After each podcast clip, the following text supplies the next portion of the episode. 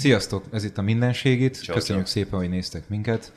Um, megkérnélek arra rögtön titeket, hogy amennyiben tetszik az adásunk, akkor légy ezt osszátok meg szeretteitekkel, ismerőseitekkel, és iratkozzatok fel, meg ők is mindenféle csatornáinkra. Szeretném felhívni arra a figyelmet, hogy a YouTube videók alatt mostantól ott van egy ilyen thanks vagy köszi gomb, amivel tudtok egy kb. Starbucks kafénak megfelelő pénzösszeget küldeni nekünk, de sokkal Köszi többet is is. tudtuk. Igen, hát köszönjük, köszönjük szépen, hogyha ez nem nagy gond. Nos, az eddigi adásainkból időről időre felbukkan egy olyan probléma halmaz, vagy kihívás halmaz, aminek olyan részei vannak, mint például a klímaváltozás, meg a, az emberi társadalomnak a felhígulása vagy destabilizáció, és még számos más egyéb olyan probléma, amivel szembe kéne néznünk záros határidőn belül, és az egyik ilyen az a globális élelmiszerellátás. Az Egyesült Nemzetek Szervezetének, az ENSZ-nek 2021-es egyik csúcs találkozóján a globális élelmiszerellátás káros következményeivel foglalkoztak, illetve kijelentették azt, hogy ezekkel a következményekkel feltétlenül kezdeni kell valamit, méghozzá elég gyorsan. Ha jól emlékszem, akkor ez 21. szeptemberében volt, és akkor mondták azt, hogy maximum 10 év alatt kéne valami globális és gyökeres változást elérni. A mai este vendégünk Valkó Orsolya biológus. Szia, Orsi. Sziasztok! Köszönjük, hogy eljöttél hozzánk. Most mi megpróbáltuk definiálni, hogy mi a te szakterületed, és olyan szavakra bukkantunk, amit csak innen tudok felolvasni. Többek között magterjedés, propagulum és mikroélőhely limitáció, vegetáció dinamika és szukcesszió. Mik ezek, amiket most elmondtam, és te mivel foglalkozol pontosan? Köszöntök mindenkit, nagyon örülök, hogy itt lehetek. Igen, ezek, ezek talán jól összefoglalják, hogy mivel foglalkozunk mi. Az Ökológiai Kutatóközpontban dolgozunk, és minket az érdekel, hogy milyen módokon lehet megvédeni a gyepek élővilágát, illetve más ökoszisztémáknak az élővilágát, és mi ehhez konkrétan legjobban a magokat használjuk, a magoknak a terjedésével, a megtelepedésével, a csirázásával foglalkozunk, mert ez egy hajtóereje az ökoszisztémák helyreállításának, tehát ezért, ezért valószínű, hogy ezeket a kulcsszavakat lehetett leginkább megtalálni, de amúgy nagyon sokféle dologgal foglalkozunk, és igazából a legfőbb célja a kutatásainknak az, hogy ne csak érdekes természeti jelenségeket tárjunk föl, hanem hogy ezeket egy olyan kontextusba helyezzük, hogy egy kicsit élhetőbb világunk legyen, fenntarthatóság felé hogyan tudunk elmozdulni, mit tudunk tenni különböző szinteken azért, hogy egy kicsit jobban meg tudjuk őrizni a biodiverzitást. Magbank dinamikai kutatócsoport. Én ebből azt a következtetést vontam le laikusként, hogy ez olyasféle hely, mint amilyen talán Norvégiában van, ahova oda viszik az összes magot, és elraktározzák arra az időszakra, hogyha majd nem lehet már ezeket a magokat természetes út, úton megtalálni, akkor ott legalább legyen egy ilyen bank. Ez ilyesféle?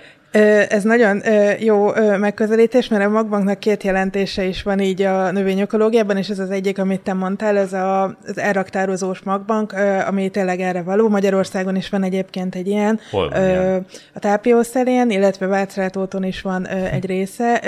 Ez a Pannon magbanknak a projektje, ebben én nem vettem részt, de kollégáim igen, úgyhogy onnan ismerem. És akkor olyasféle ugyanúgy működik, hogy ott el kell raktározni az emberiség jövőjére nézvést? Igen, tehát a hazai őshonos fajoknak egy jelentős részének ott el van raktározva a magja, és akkor, hogyha lenne valamilyen olyan katasztrófa, ami bekövetkezik, és csak ilyen módon lehet valamit visszatelepíteni, akkor ehhez mindig lehet nyúlni. És ezek ilyen, ilyen baromi hidegben vannak? Hogy Igen, ezt igen, igen. Tényleg? És hány fok az a Fú, ezt pontosan nem tudom Meg megmondani, de ö, igen, mínusz sok. mínusz sok? Mínusz sok. Aha. Ez az egyik jelentése a magbanknak. Mi a Igen, másik? és mi a másikkal foglalkozunk. E, Egyébként a talajban találhatóak magok, tehát hogyha kimegyünk egy erdőbe, egy epre, akárhova, akkor látunk egy növényzetet, elképzeljük, hogy, hogy milyen növényzete van egy területnek, de ettől teljesen eltérő dolgok lehetnek a talajban, tehát a talajban vannak életképes magok, amik később, hogyha megváltozik a környezet, mondjuk lesz egy szárazság, vagy éppen lesz egy nedves időszak, akkor ezek ki tudnak csírázni, és teljesen másféle növényzetet tudnak létrehozni. Tehát ez a magbanknak a jelentése, és uh-huh. mi sokat foglalkozunk a magbankkal is, úgyhogy emiatt is ez a neve a kutatócsoportunknak, de most már kicsit megbántam, hogy ilyen hosszú nevet adtam neki, mert igazából én leginkább úgy, úgy mondanám, hogy magökológiai kutatócsoport, vagy valami ilyesmi, ez, az jobban tetszene. Aha, értem. Azt gondolom, hogy mindenek előtt arról kellene egy kicsit beszélgessünk, hogy mekkora problémát okoz az emberiség számára a mezőgazdaság. Azt tudjuk, hogy a Földnek 70,7%-át vízborítja, 29,3%-át szárazföld, és állítólag ennek nagyon jelentős része immár földművelésre van használva. Pontosan, amit mondasz, ez a problémának az egyik kiindulása, hogy óriási területek szükségesek ahhoz, hogy az emberiségnek az élelmiszerigényét ellássuk. És ez, ez egy tény igazából, ezeken az arányokon lehet és kell is javítani, de, de mindenképpen, tehát hogy egy ekkora népességű földellátásához sajnos nagyon nagy terület kell. Ezt ugye a természetes élőhelyektől vesszük el ezt a területet, tehát ezáltal már, már csak a terület csökkenés révén is ö, ugye nagyon csökken a biodiverzitás. Ö, gondoljunk például nagyon extrém példákra, ugye az Amazonasi esőerdő mindenki ismeri, hogy milyen elképesztő biodiverzitási gócpontot jelent, és hogy milyen ütemben vágják ki ö, az esőerdőt ö, konkrétan ö, azért, hogy ö, legelőket ö, létesítsenek a helyén, ö, vagy ö, egyéb monokultúrák, kultúrákat, és ugye a nagyon gyors mezőgazdasági megtörülés érdekében ö, egyszerűen ö, feláldozzák a, a, azokat a természeti erőforrásokat, amik, amik nagyon lassan vagy soha nem fognak vissza, ö, visszatérni maguktól. Miért probléma ez?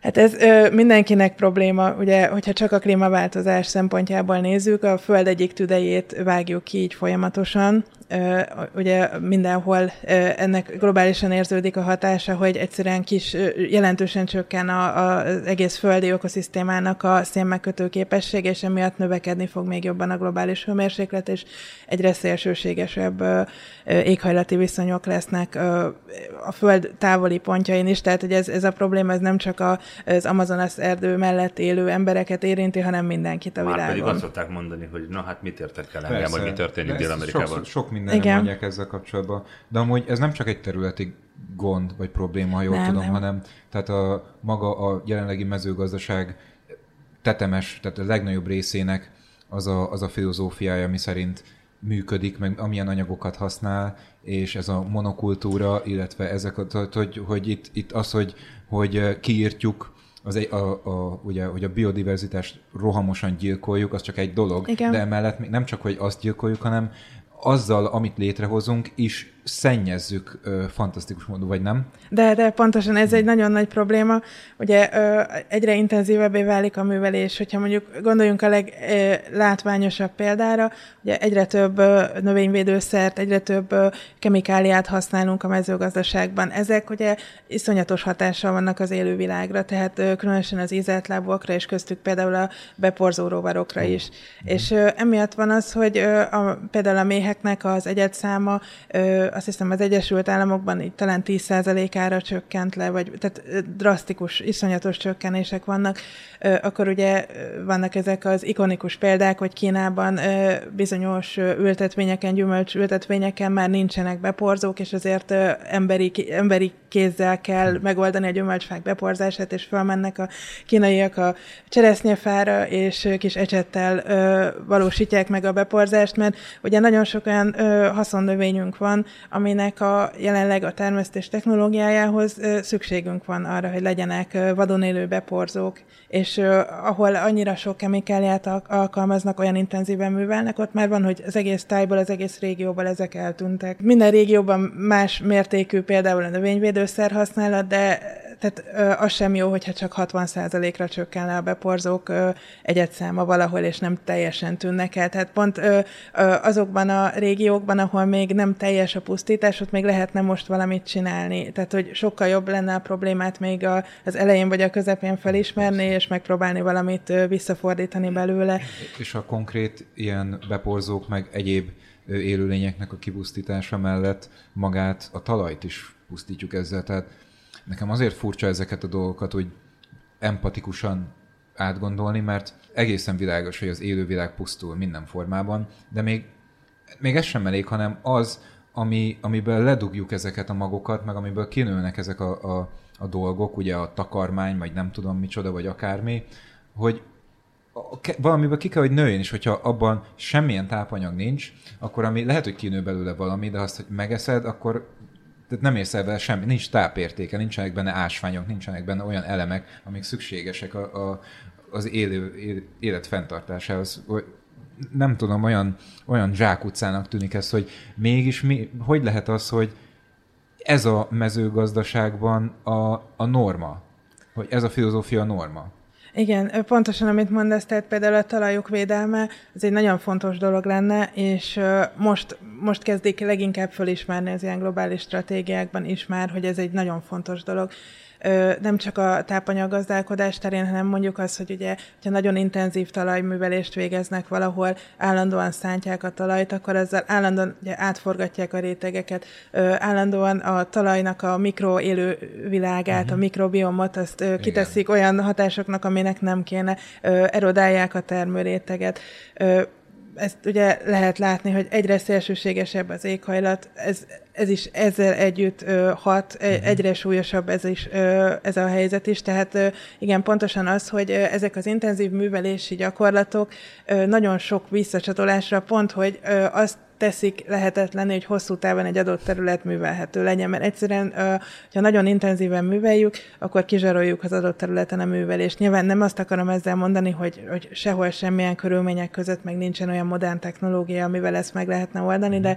de hogy, ahogy te is mondod, a, a norma, ami, ami így nagyon-nagyon sok helyen van a világban, Magyarországon, bárhol, az pontosan abba az irányba vezet most még sajnos, hogy hogy a pillanatnyi hozam az a legfontosabb, és az, hogy két-három év múlva egy adott terület művelhető-e, vagy tíz év múlva, az már egy sokadlagos szempont. Hát igen, mert az emberek most éhesek.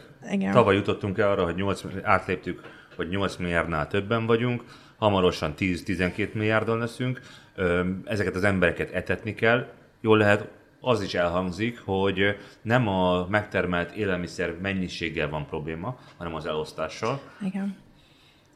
Tehát akkor lehetséges, hogy nem az lenne a célra vezető, hogy minél inkább kizsákmányoljuk a talajt, tönkretejük, hanem hogy ezt az elosztási hálózatot kellene újra gondolni, újra struktúrálni. Igen, ez egy nagyon fontos dolog. Tehát az elosztási hálózat hogyha kezdjük az elosztási hálózatnak egy érdekes példájával, ugye mondjuk hogyha valaki szeretne mondjuk enni egy lencsét, akkor azt megveszi itt a boltban.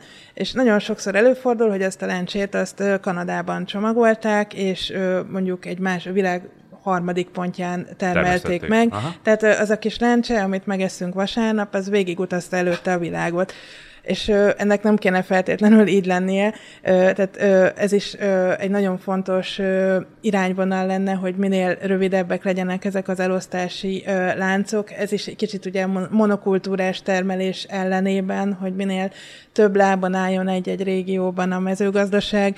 Ez, ez ugye nagyon sok szempontból fontos lenne, tehát a monokultúrás ö, termelés az ö, persze nagyon jövedelmező, meg nagyon jó a gépesíthető, meg, ö, meg egyszerű, ö, viszont ö, ugye ki van téve sokkal jobban a, a környezeti bárminek, a, annak, hogyha van egy iszonyatos asszály, vagy hogyha mondjuk ö, tényleg bármilyen szélsőséges természeti állapot alakul ki, ami ugye napjainkban már egyáltalán nem egy ilyen fikció, hanem évről évre megtapasztaljuk, hogy vannak ilyenek. Ö, és tényleg, tehát, hogy, hogy a, a diversifikálással lehetne rövidíteni a, ezeket az ellátási láncokat, ez is egy nagyon fontos dolog lenne. Uh-huh. Meg a, a másik még az elosztási ö, láncokkal kapcsolatban, hogy ö, nagyon ö, durva adat, hogy a, gyakorlatilag az éle, megtermelt élelmiszernek az egyharmada az, az szemétbe Kuka. kerül, igen. És hogy ez ö, elképesztő, tehát ö, ez, ez egy olyan rész, amin nyilván mindenki a, a saját életében is tud változtatni, tehát igen, nehéz ez a mezőgazdaság témája, mert nagyon sok mindenki azt mondja, hogy hát ez nagyon, nagyon szomorú, de mit tudok én tenni, hát nem mezőgazdaságból élek, a ez, ezt ilyen bárki meg problémára ezt tudja mondják tenni. az emberek Igen. egyébként, az le- bármi lehet tényleg klímaváltozásnak a- a- az összes aspektusára, ezt rá lehet mondani, hogy jó, Igen. én mit tudok tenni, most szelektíven gyűjtöm a szemetet, és látom, amikor elviszik a házat, hogy ugyanabba az autóba így hányják be. Igen. Ami jogos, oké, de, de tényleg komoly, tényleg vannak olyanok, olyan dolgok, amiket meg tudsz csinálni. Igen, és ez, ez például tényleg, tehát a, a vásárlási szokásokkal, meg a, az élelmiszer felhasználási szokásokkal ugyancsak kicsit, de mindenki tudna tenni. Tehát Igen. tényleg egyrészt, hogy ezt a, a kukába kerülő élelmiszert minimalizálni, lecsökkenteni, ne legyen ilyen. A másik, hogy, hogy milyen terméket vásárolunk, ez már nehezebb, meg nem mindig van meg a kellő információ. így Én azt gondolom, hogy egyébként egyre többen vannak olyanok, akik például kifejezetten olyan boltokban szeretnek vásárolni, ahol nem adnak műanyag csomagolást Igen. és a többi. De ugye az egy dolog, hogy mi itt a fejlett nyugati világban mit gondolunk arról, Igen. hogy hogyan kellene élni, de magyarázzuk már el annak a harmadik világbeli gyereknek, hogy na, már pedig hogyan kell éljél, mit mi, mit okozol te a Földdel hosszú távon, hogyha nincsen meg a napi betevője? Bocsánat, Afrikában. hogy rögtön beugatok, de azért azt ilyenkor figyelembe kell, mert tudom, hogy figyelembe veszed, szóval nem neked szól ez, de hogy Kösz. ugye a legnagyobb ökológiai lábnyoma, most, hogyha leosztott személyre, nem, nem egy harmadik világban élő embernek van, hanem nekünk. Rendjén van, de hát az sem ö, jó, hogyha az Amazon azt kiírtjuk, csak azért, hogy szarvasmarhákat lehessen ott legeltetni. Hát igen, de Vagy az az sem egy afrikai harmadik szavannán. világbeli ember eszi meg, hanem mi itt a, a, ki- kihozzák a sztéket az asztalra, érted? Tehát ők nem hiszem, hogy marhát esznek, szóval, hogy, hogy nyilván az, hogy, az, az, a, a, hogy milyen sokan élnek a harmadik világban, az természetesen nagy ö, arányban ad hozzá az egész képlethez. De hogyha lebontod személyre, tehát ökológiai lábnyom, mit tudom én, most bármiben méret CO2 vagy, vagy kombinálva, nem tudom, tök mindegy, de akkor itt nálunk, még Magyarországon is so, többször se jön ki, mint mondjuk, nem tudom, egy india, indiai, mm-hmm. Indiában élő szegény embernek, vagy Afrika, vagy tök mindegy.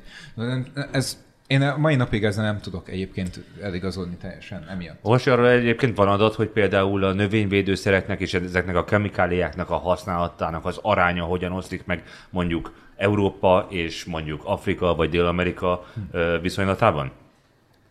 Fú, igen, biztosan van. Most én erre nem mernék mondani, inkább, mert Pontos nem, nem, igen, nem akarok hülyeséget De mondani. úgy nagyjából van valami? Hát az biztos, hogy a Észak-Amerika és Európa azok nagyon élen járnak, de nyilván Kína is, meg sok, tehát vannak olyan harmadik világbeli országok is, amik élen járnak benne, de tehát ugye azért nyilván Európa és Észak-Amerika az mindenképpen, és ö, ugye nyilván az is, hogy honnan származnak ezek a különböző anyagok, amik szükségesek ezeknek a növényvédőszereknek az előállításához, vagy a műtrágyák előállításához. Ugye ezek sokszor a harmadik világból származnak, főleg a műtrágyák esetében. Tehát, hogy mondjuk ezzel is, tehát igazából az európai élelmiszertermelés az nagyon sok módon hat a harmadik világra, mert egyáltalán az, hogy mondjuk egy intenzívebb vagy egy extenzívebb termelést folytatunk, az befolyásolja azt, hogy mit importálunk a harmadik világból, milyen ö, alapanyagokat, milyen nyersanyagokat, amik szükségesek a termeléshez, és tehát ez is egy ilyen kaszkádszerűen működik.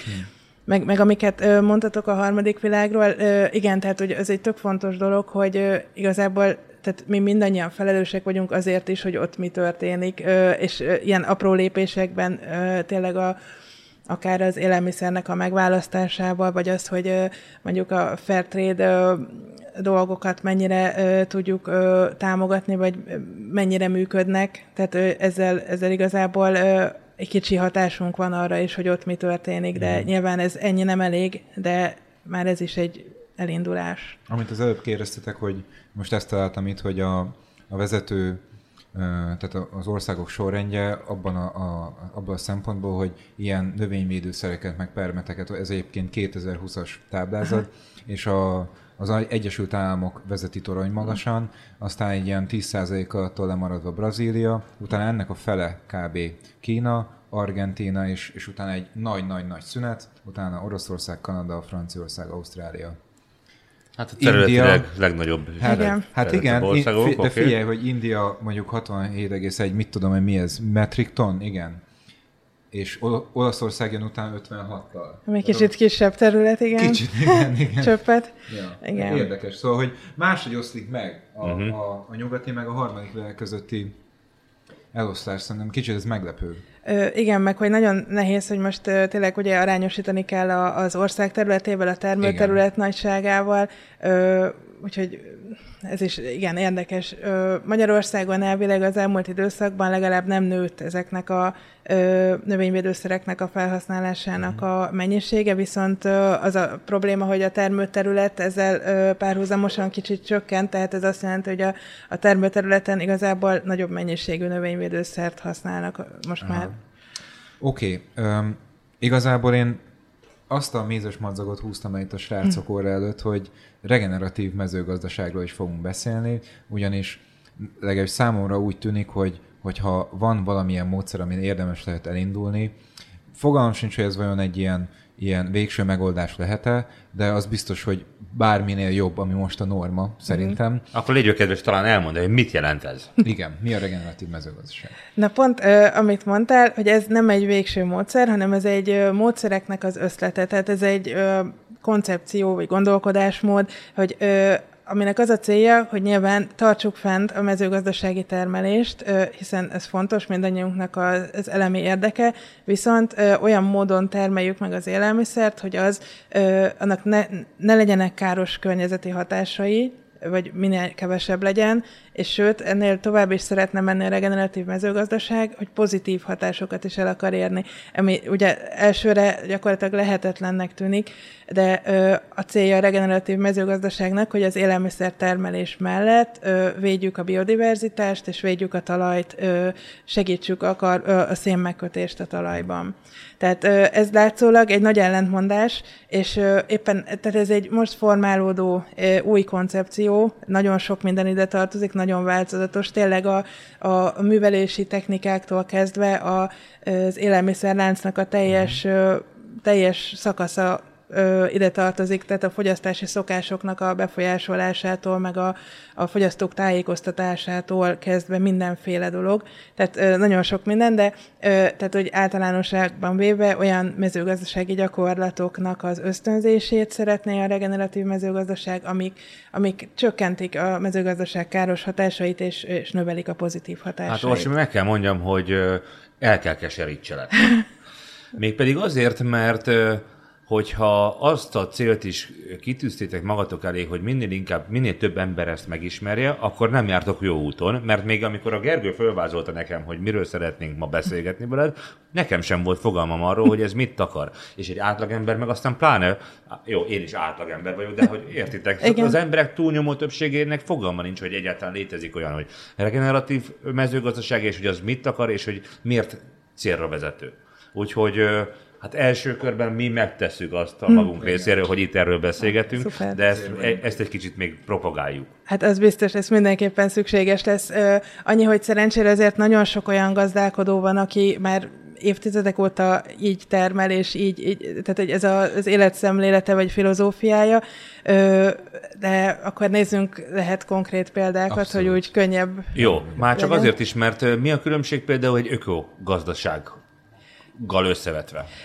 A regeneratív mezőgazdaság az egy nagyon tág koncepció, tehát abba, abba benne foglaltatik nagyon sok egyéb.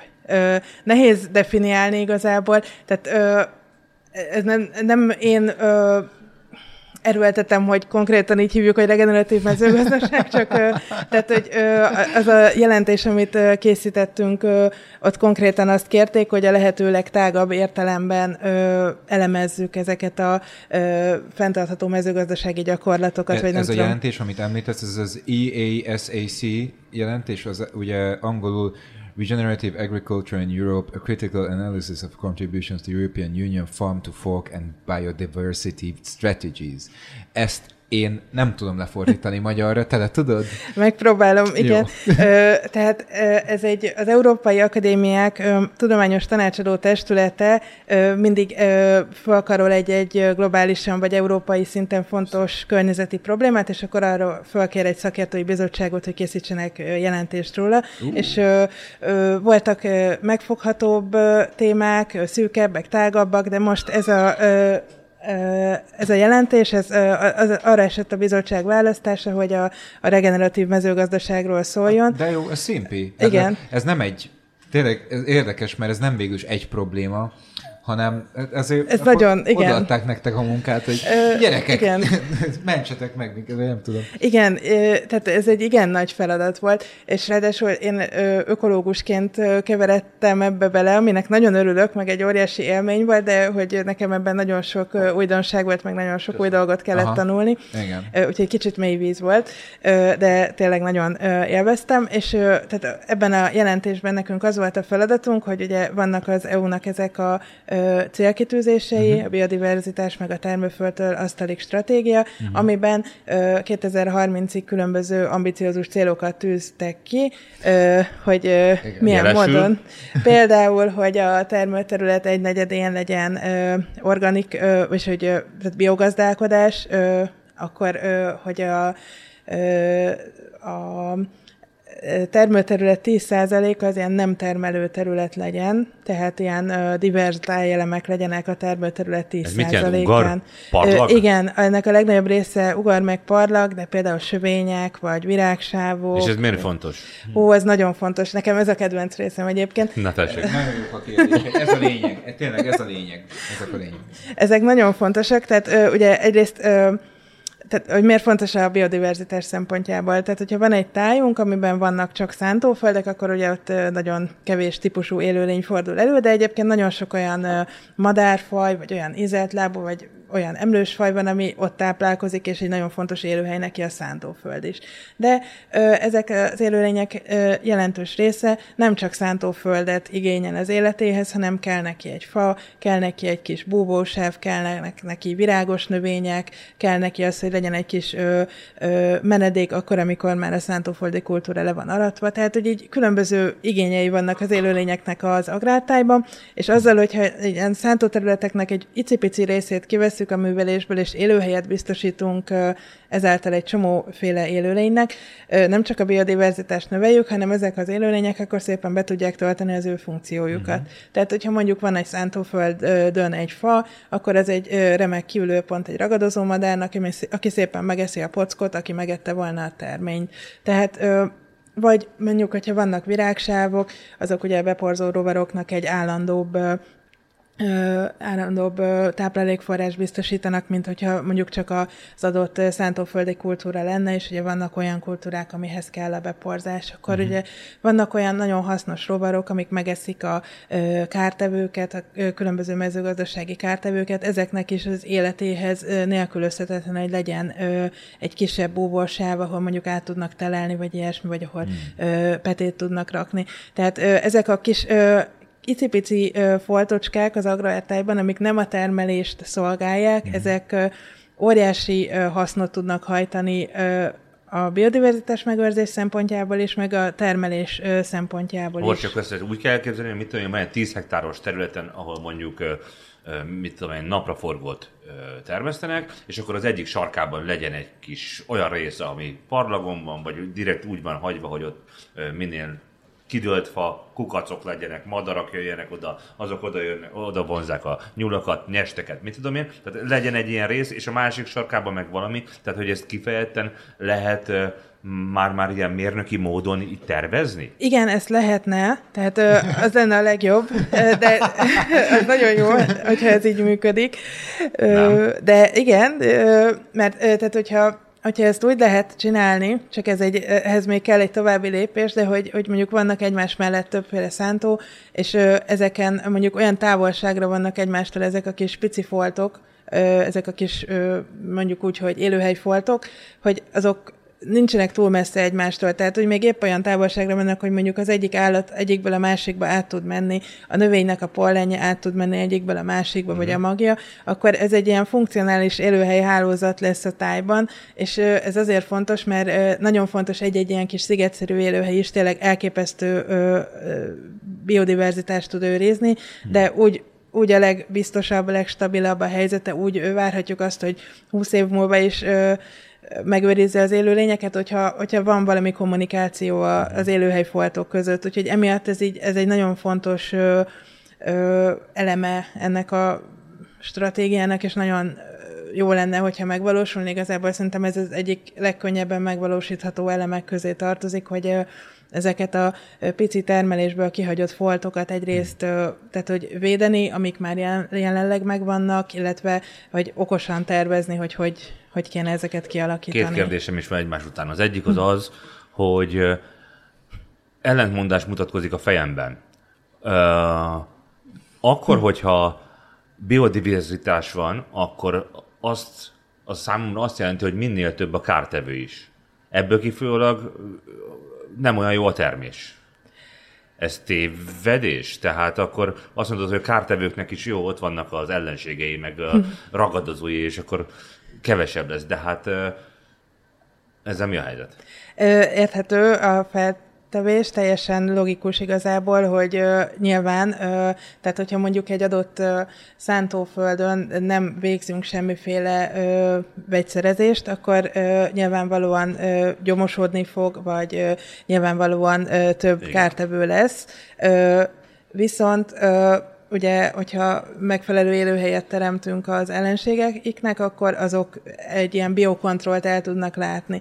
És akkor itt ugye ez egy nagyon-nagyon sok tényezőtől függ, szóval ezt így nem lehet, nem lehet erre át vagy bét mondani egyértelműen, de nyilván tehát vannak azok az intenzív művelés technológiák, amik mellett sokkal nagyobb terméshozamot létre lehet hozni, mint az extenzív oh de viszont vannak olyan extenzív technológiák is, ami mellett megfelelő terméshozamot lehet létrehozni, és ugye itt jön a képbe ez az agrárkörnyezetvédelmi támogatási rendszer, hogy ennek az is az egyik célja, hogyha valaki azt mondja, hogy ö, rendben a szántóterületem 10%-án létrehozok mondjuk egy sövényt, akkor ö, ezzel kiesik nekem a termőterület egy része, viszont éppen ezért kapok támogatást, hogy ö, ezt a kieső hasznot kompenzáljam. Mm-hmm. És ö, aztán még, hogy egyéb ö, dolgokban nekem jó az, hogy ott van egy sövény, az csak egy plusz dolog. Ez Tehát... tök jó, hogy felhoztad, mert pont ez lett volna a második kérdésem, és ez ide kapcsolódik, az, hogy ma a világban mindent a pénz határoz Igen. meg.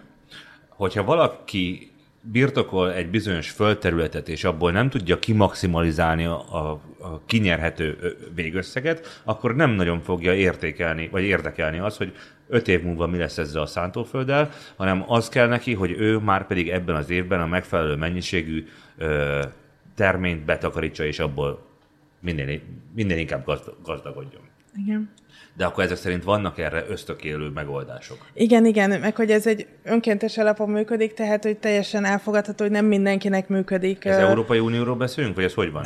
Az Európai Uniónak a közös agrárpolitikáján belül vannak ilyen különböző agrártámogatási rendszerek, amit különböző célokra fel lehet venni, mm. és ezek egyike például az, hogy mondjuk virágsávot telepíteni, vagy vagy mondjuk... Ezt egyébként tök jó országban mondod, ahol kiraktak a Budapestre egy ilyen méh legelőtt, és mindenki röhöggörcsöt kap, hogy úristen, hát ez mekkora badarság. Ö, igen, tehát a, ö, nyilván de inkább, inkább ebbe majd ne nagyon menjünk bele.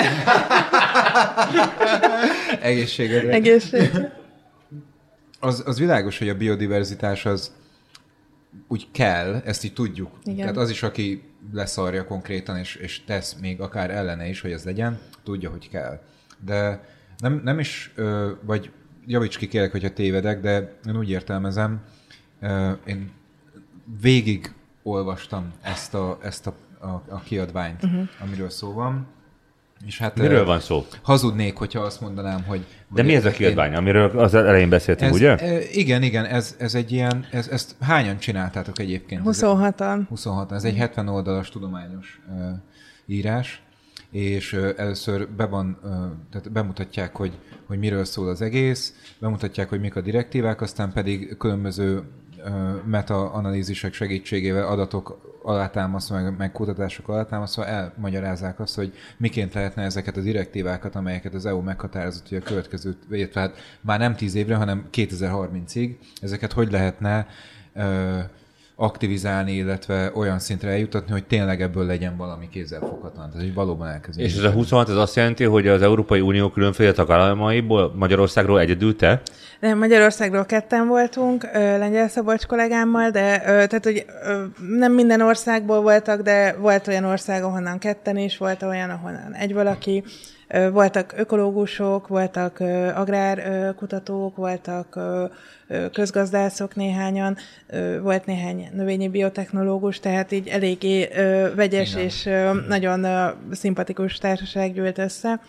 És igen, tehát pont ahogy mondtátok, hogy, hogy ez lenne a célja a jelentésnek, hogy, hogy rávilágítani azokra a jól működő gyakorlatokra, amire megvan a tudományos bizonyíték, mm-hmm. hogy, hogy működik, nem okoz jelentős terméskiesés, de megvédhető mellette a biodiverzitás. Igen, de ezt ez... így, ez, ez, igen, és egy nehéz, mert ez egy kontinuum, tehát nyilván van olyan gyakorlat, ami mondjuk nagyobb terméskiesést okoz, de jobban védi a biodiverzitást. Mm. Van olyan, ami nem okoz terméskiesést, de kisebb mértékben. Igen. Tehát, hogy, hogy nyilván tehát nem működ, tehát nincsen tehát olyan gyakorlat. Persze, de ez igen, mindenben igen, így van. Ez mindenben van így van. Van, van trade-off. Csak ugye most, most így valamiért az, az egy dolog, hogy, hogy ugye olyan, olyan normák vannak mind a társadalomban, mind a politikában, mind a mezőgazdaság, meg egy csomó mindenben, amik igazából hogy de facto károsak, de tehát, és akkor egy ilyen dolgot, ami, amiben kimondottan, tehát őszinte analízis által nyilván muszáj vagyunk kimondani, hogy igen, van, ennek van következménye, tehát hogy ez, ezek kompromisszumok. Igen. Azt akartam, bocs, még mondani, hogy, hogy a biodiverzitás megőrzése, ez igazából nem csak annyi, hogy legyenek méhecskék, meg legyenek ilyen darumadarak, meg olyan, mit mm. tudom én, packok, amikor mm. ugrálnak, hanem ez igazából egy tök nagy szimbiotikus körforgás az egész, és hogyha a biodiverzitásnak a, a jelenlétét megszünteted, az ugye nem csak azt eredményez, hogy egy idő után visszafordíthatatlanul el fog pusztulni teljes mértékben, és akkor ugye tudjuk, hogy, csengettek, mm. hanem azt is, hogy nem tud regenerálódni az a szubstancia, amiből kinőnek a kajáink. Igen. Tehát és hogyha annak nem képződik újra nem, nem frissül fel az egész ö, ö, körforgása, akkor az lesz, hogy ami abból kinő, azt ha te megeszed, szar se érsz vele, mert semmi, semmilyen értékes anyagot nem fog neked adni. Szerintem a, az élőhely konzerválások, illetve létrehozások, illetve a regenerációja ezeknek, ez ezt a célt is szolgálja, vagy nem? Igen, pontosan. Tényleg, tehát az, hogy a, a művelést meddig tudjuk föntartani, hogyha most így, így leegyszerűsítjük, tehát, hogy ö, vannak arra vonatkozó tanulmányok, amik egyértelműen kimutatják azt, hogy egy adott tájban, hogyha minél intenzívebben művelünk, annál inkább, ö, tehát ugye van vannak különböző ökoszisztéma szolgáltatások. A, van a e, termelő ökoszisztéma szolgáltatás, az az, hogy learatjuk a búzát, és lesz búzánk. De vannak emellett egyéb ökoszisztéma szolgáltatások, amiket e, pont mondtál, szabályozó, meg a fenntartó, meg a kulturális szolgáltatások. A szabályozó, meg a fenntartó, az pont a talajerő, talajerő megőrzést jelenti, azt, hogy a szél ne fújja el a talajt, ne legyen e, szélerózió, akkor, e, hogy megfelelő maradjon a talajnak a vízgazdálkodása, hatása, az, hogy, hogy tényleg, hogy mondjuk öt év múlva is még legyen talaj a területen, ilyen, ilyen egyszerű dolog, tehát ez hogyha nagyon intenzíven művelünk egy területet, akkor ezekből az egyéb szolgáltatásokból veszítünk, és igazából igen, tehát ez egy, ez egy nagyon fontos trade-off, és, és pontosan, tehát azt veszélyeztetjük, hogy egy adott területen ö, akár lehet, hogy többet nem tudunk majd termelni, mm. és akkor hogyha így kizsaroljuk, kizsaroljuk az összes területet, akkor egyre Éhen inkább halunk. szűk. Igen, tehát, hát igen. igen. igen. Nem mi, hanem majd a harmadik világban. Mi majd később. Igen. igen. Ja, igen. De gondolom, igazából ez a nagy sietség oka, nem? Igen. Tehát, hogy, hogy ne induljon el egy olyan kaszkád, amit már, és ez, de ez is úgy, mint az egész ilyen, ugye a klíma, meg minden, amiről eddig beszéltünk, ebben a műsorban is, meg ma is, hogy ezek olyan dolgok, amik, hogyha el, az egyik faktor elkezd romlani, az elkezdi magával lerángatni a többit is, amik pedig ugyanúgy kölcsönhatásban vannak a többivel, szóval, hogy, hogy szerintem ezért, vagy gondolom, hogy ezért van Igen. akkor a sietség, mert ezt nem akarjuk elérni. Igen. És tényleg, tehát, hogy ez a, tehát a mezőgazdaság az gyakorlatilag mindennel összefügg, és tehát olyan kaszkádok indulhatnak el, hogy belegondolni is szörnyű, tehát tényleg... Ö... Próbáljuk meg. Hú. Most komolyan. Jó, oké. Okay. Mondj egy példát. Tehát mondjuk mi lenne abban az esetben, hogyha ezt a regeneratív mezőgazdálkodás, vagy vagy bármilyen olyan témát így kikukáznánk, ami, ami nem jó, uh-huh. a, úgy biológiai, meg, meg kémiai, meg minden ilyen, ilyen szempontból, hanem az lenne, a, hogy, hogy padlógázza, úgy, ahogy most csináljuk, Aha.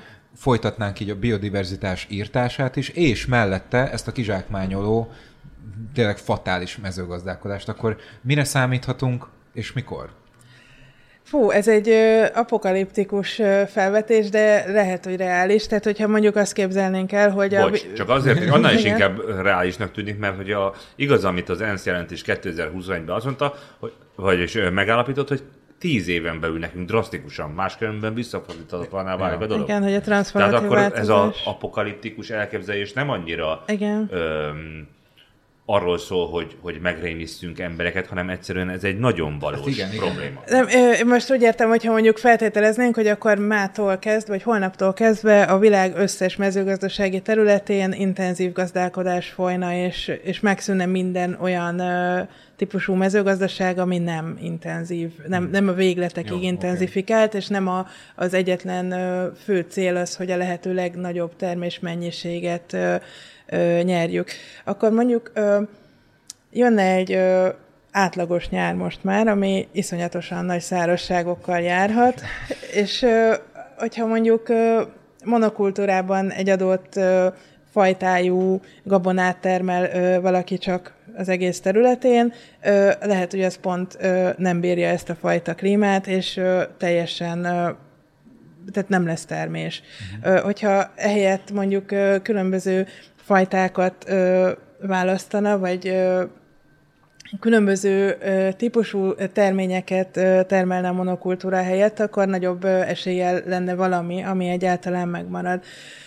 Akkor, hogyha ugye ö, csak intenzíven termelnénk, akkor olyan mennyiségű műtrágyákra, növényvédőszerekre, gázolajra lenne szükség, ami igazából gyakorlatilag megint csak fenntarthatatlan lenne ö, szerintem, tehát ezek a készletek, ezek rohamosan kimerülnének, és és, és nagyon nagy technológiai újításokat kéne ö, nagyon gyorsan véghez vinni, hogy ö, ebben a léptékben valami alternatívát lehessen Nemrég itt volt nálunk Gerencsér professzor, uh-huh. Gerencsér András, és ő azt mondta, hogy, hogy én, én arra számítottam, megkérdeztük tőle, hogy melyek azok a, az energiaforrások, amik most nagyon a, a, törömbenek az ajtón, hogy én el akarok fogyni. És akkor én arra számítottam, megmondom őszintén, hogy ilyenekkel jön elő nyilván, hogy mit tudom én, olaj, meg gáz, vagy uh-huh. nem tudom, valami ilyenek. És ő azt hiszem talán az első helyen mondta azt, hogy foszfor. Nem? Igen. Azt hiszem az volt az első. Foszfor az első, és homok, homok. talán második. És így néztünk Robival, hogy mi van. Komolyan? Azt a, igen. Tehát, hogy a foszfor a például olyan dolog, ami, amit a trágyázásban igen. ugye... Igen. Ez, Ez megdöbbentő. Szerintem, amiről még nagyon fontos volna beszélni, az az, hogy az elején, vagy kicsit korábban megemlítettem, hogy a Föld hány százalékát víz borítja, uh-huh. de ennek ugye túlnyomó többsége, 97,5 százaléka sós, mert tenger. És azt a két és fél százaléknyi vízmennyiséget, amit ö, elfogyaszthatunk, hiszen édes, azt voltak éppen nagyon nagy mennyiségben jó, lehúzzuk a WC-t, de hogy, hogy a, a termőföldeknek az öntözésére használjuk. Igen. És a vízkészleteknek a megcsappanásával is számolni kell ezek után. Az biztos. Ez az egyik. A másik, hogy, hogy amikor a mezőgazdaságról beszélünk, akkor sokszor csak az emberi élelmezésről gondolok, vagy arra gondolunk. Miközben a, a, a takarmány növényeknek, a, a, az állatok számára szánt terményeknek a megtermelése az elképesztő ö, ökológiai lábnyomot eredményez. Igen, ez, ez egy nagyon fontos dolog. Ö, ugye em, hogyha jól tudom, akkor talán a, a világ szántó területe, vagy mezőgazdaságilag hasznosított területeinek az egynegyedén olyan terményeket termelünk, amik a haszonállatok élelmezésére ö, fordítódnak. Ö, és ugye egyéb komoly... Egy negyede? Egy negyede. Tehát ez, ez nagyon nagy. És uh, ugye egyéb komoly gondok is vannak az intenzív uh, állattartással, nem csak uh, hogy most uh, az állatjóléti szempontokon kívül is nyilván, uh, ugye az üvegházhatású gázok kibocsátása és egyéb, uh, egyéb dolgok, uh, tehát nagyon-nagyon, ez egy iszonyatos környezetterhelést jelent. Tehát emiatt ö, jelentésben is úgy vagyunk vele, hogy nyilván, tehát hogy az, hogy ki mit eszik, az mindenkinek a magánügye, és semmiképpen nem akarnánk beleszólni, de valamiféle étrendbeli változásra, tehát ahogy ti is mondtátok, ilyen gyökeres változások, tehát hogy szükség lenne egyfajta elmozdulásra, hogyha nem is a teljes húsnevenvés, de ritkább húsevés irányába, vagy főleg más, a vörös hús. Főleg a vörös hús. De amúgy itt van egy nagyon nagy zárójeles rész, ami szerintem nagyon fontos, hogy, tehát, hogy van, olyan, van olyan hús, ami teljesen ökónak, biónak tekinthető, van olyan vörös hús is, tehát ugye... Tehát majd, olyan gazdálkodásból jön? Igen, tehát hogy a, ami a gyepen legelő állatoknak a húsa, és nekem ez a fő témám, a, a kedvenc, tehát a, a, tényleg a legnagyobb ilyen szakmai szerelmem a, a gyepi állattartás hatás, az, az egy csodálatos dolog. Jó helyre jöttél. és tehát ugye vannak olyan gyepek Magyarországon, Európában, amik iszonyatosan fajgazdagok, csodálatos növényvilággal, állatvilággal rendelkeznek. Nem, hanem a marhát, ami ott legel egyepem. Szürke marhát. igen, például. De egyébként ez, amit most, mert Bocs, hogy ezt felhozom, ez mindig pattogok, és elnézést kérek mindenkitől, akit ez zavar, és sajnálom, de hát beszéljünk már erről normálisan. Jó, akkor azért is elnézést kérek. De hogy, ugye, mert van ez az tehát, hogy, hogy sokszor odajukadunk ki, hogy, hogy zöldséget enni jó, és csak jó, húst tenni pedig biztos, hogy nem jó. De hogyha abban az analogiából indulunk ki, ami, amit a, előbb a mezőgazdaság mezőgazdálkodással kapcsolatban említettünk, ugye a, a kiaknázás és a, a, a jövőben nem látás, a vegyszereknek a kontrollálatlan és, és rendkívül pusztító használata. Tehát, hogy ugyanez a regeneratív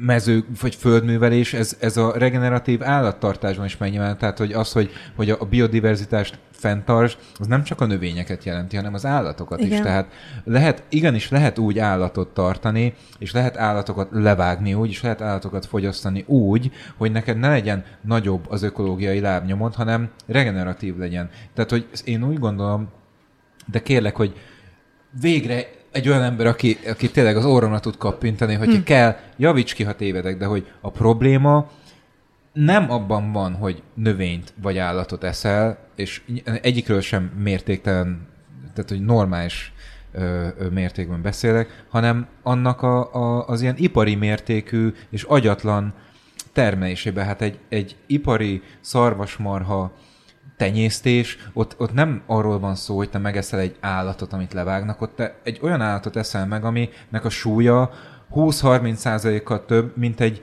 normális szarvasmarhának bárhol lehetne, bármilyen szituációban a természetben, hogyha te úgy néznél ki, te olyan állapotban lennél, mint egy ilyen szarvasmarha, mint emberként, akkor te kurva beteg lennél, tesó, rohannál a kórházba, hogy ne hajj meg holnap után. Talán hát, már hogy... az egyik korábbi adásunkban ezt fölhoztam, hogy meg kell, meg kell nézni, hogy mekkora volt egy csirke 1950-es években, és hogy néz ma ki. Ja, ja, ja, igen. Tehát, hogy háromszor, ötszörösére ja, föl igen. van fújva. Igen.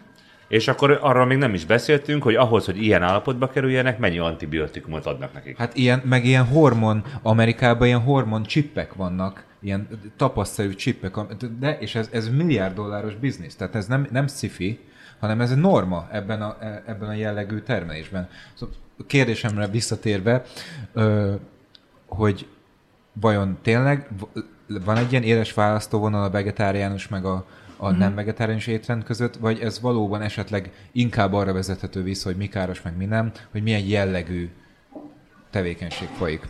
Szerintem nincs éles választóvonal, tehát teljesen egyetértek, hogy tehát van olyan fajta hústermék, elő lehet úgy állítani hústerméket, hogy azzal ne ártsunk semmit a környezetnek, sőt, tehát, hogy tényleg a gyepen legelő marha, a gyepen legelő Mesterséges virka. húsról beszélsz? ne, akár nem, nem, hanem a gyepen legelő hmm. állatkának a húsa, az tényleg olyan, hogy, tehát, hogy ha nem legelne ott bizonyos területeken a marha, akkor csökkenne a biodiverzitás, akkor, akkor tönkre mennének bizonyos gyepek. Nyilván ez mindegyiknek, minden ilyen legeltetési rendszernek megvan az, hogy pontosan hogy, meg hol, meg mennyi állattal, meg mettől meddig, hogyan pásztorolva. Uh-huh. Tehát ez egy, ez egy külön szakma, de tehát, hogy az a lényeg, hogy hazai körülmények között és a világ legnagyobb részén szinte bárhol elő lehet úgy állítani ö, hústerméket, vörös húst, hogy azzal még a biodiverzitást védjük is. Uh-huh. Nyilván ez nem a tömegtermelés lesz. Igen. Tehát, hogy ez, ez nem azt jelenti, hogy a mit tudom én, napi 30 deka hús így ki fog jönni. Uh-huh. Ö, tehát emiatt gondolom azt, hogy azért tehát összességében egy kis csökkentése a húsfogyasztásnak az, az uh-huh. nem, tehát az, az hasznos lenne, az egy nagyon nagy előrelépés Igen. lenne. Most te eszel húst? Egyébként én ettem nagyon sokáig húst, és most egy ideje nem eszek, de ez nem, nem ilyen meggyőződés miatt van, de tehát, hogy én nem vagyok egyáltalán a húsfogyasztás ellen. És őt nagyon-nagyon szerettem húst tenni régebben, csak most nem eszek. A, nagyon, nagyon sok vendégünk, akik itt megfordult, olyanok is, akik egészen más téma okán jártak nálunk, ők is azt mondták, hogy nem esznek húst. Egyébként pedig, amiről te beszéltél, az szerintem egy kicsit félrevisz, mert itt nem azok az emberek, akik úgy választották a vegetáriánus életmódot, hogy, hogy nem a a környezet megóvását tartották szem előtt, hanem egyszerűen ők úgy gondolják, hogy morális kérdést csináltak belőle, nem akarnak uh, húst tenni. Én nagyon eszem. Egyébként, ahogy korosodom, egyre kevesebbet, és egyre kevésbé uh, érzem azt, hogy nagyon nagy szükségem volna a húsra. Egy héten pár alkalmat, uh-huh. pár napot úgy csinálok végig, hogy egyáltalán nem eszem húst, és szerintem kifejezetten jót tesz. Uh-huh de egyelőre én még nem tudok lemondani a húsfogyasztásról. De szerintem ez egy teljesen, tehát hogy én pont egy ilyen szintű transformációnak én ennek már nagyon örülnék, hogyha mondjuk sokan így gondolkoznának, ahogy te, mert szerintem ez, ez már egy óriási előrelépés lehetne, és igen, tehát Arról is olvastam valami adatot, hogy egyébként, hogyha már egyetlen egy nap valaki nem eszik húst egy héten, az mennyire uh, jót tesz az egész ökoló, ökoszisztémának. Hmm. Meg ugye ez Kevesebb igen. a húsfogyasztás.